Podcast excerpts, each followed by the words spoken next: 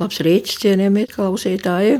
Atkal ar jums Bāba Steina un atkal mazliet par Deju svētkiem. Nu, varbūt var teikt gan par skolēnu, gan par lielajiem. Tātad man bija lūgums pastāstīt par to, kāda ir mana attieksme pret eh, vēsturisko mantojumu. Tomēr ir šai tradīcijai jābūt un viņa ir jāturpina. Ja tu par cilvēku nerunā, tad tu viņu vienkārši aizmirsti. Bet, ja tu runā tikai nosaucot, varbūt viņu vārdu, nu, bija tāda lasmanīta, deju vecmāmuļa, un tad bija tāds sūna, ja, un tā. Tas maz ko dod. Un par to es domāju, var pārliecināties tad, kad tiek izsludināti dažādi deju reitingi. Un nezinu, kāpēc šajos deju reitingos eh, parādās eh, tikai vieni vārdi. Ja. Nu, nesaukšu, jo mēs jau zinām, un parādās tie vārdi, kas pašlaik ir pie sprites. Jo cilvēks zina tikai viņu dēļas. Viņi vienkārši nezina, nu, tur kaut kas ir bijis, kaut kad, kaut kā.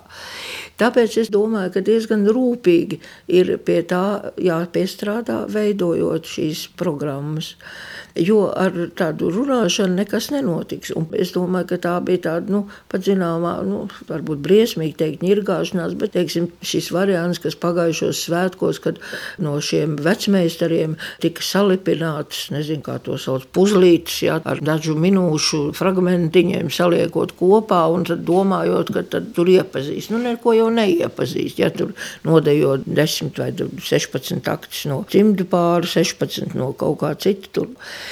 Droši vien, ka vislielākā nozīme ir pašiem deju pedagogiem, kuriem ir jāiepazīst šīs dejas.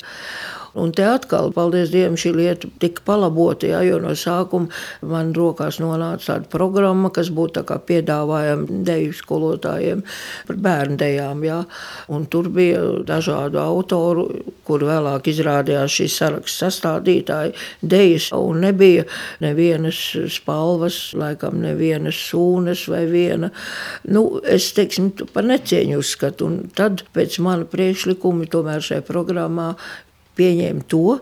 Visvienkāršākais ir paņemt visus 11 dēļu svētkus, kas ir bijuši, apskatīties, kas viņos ir labs no katra paņemt. Un tajos starplaikos, starp pieciem gadiem, vienkārši šīs idejas mācīt. Tikai tā mēs iepazīsim, ja mēs mācīsim, rādīsim, stāstīsim.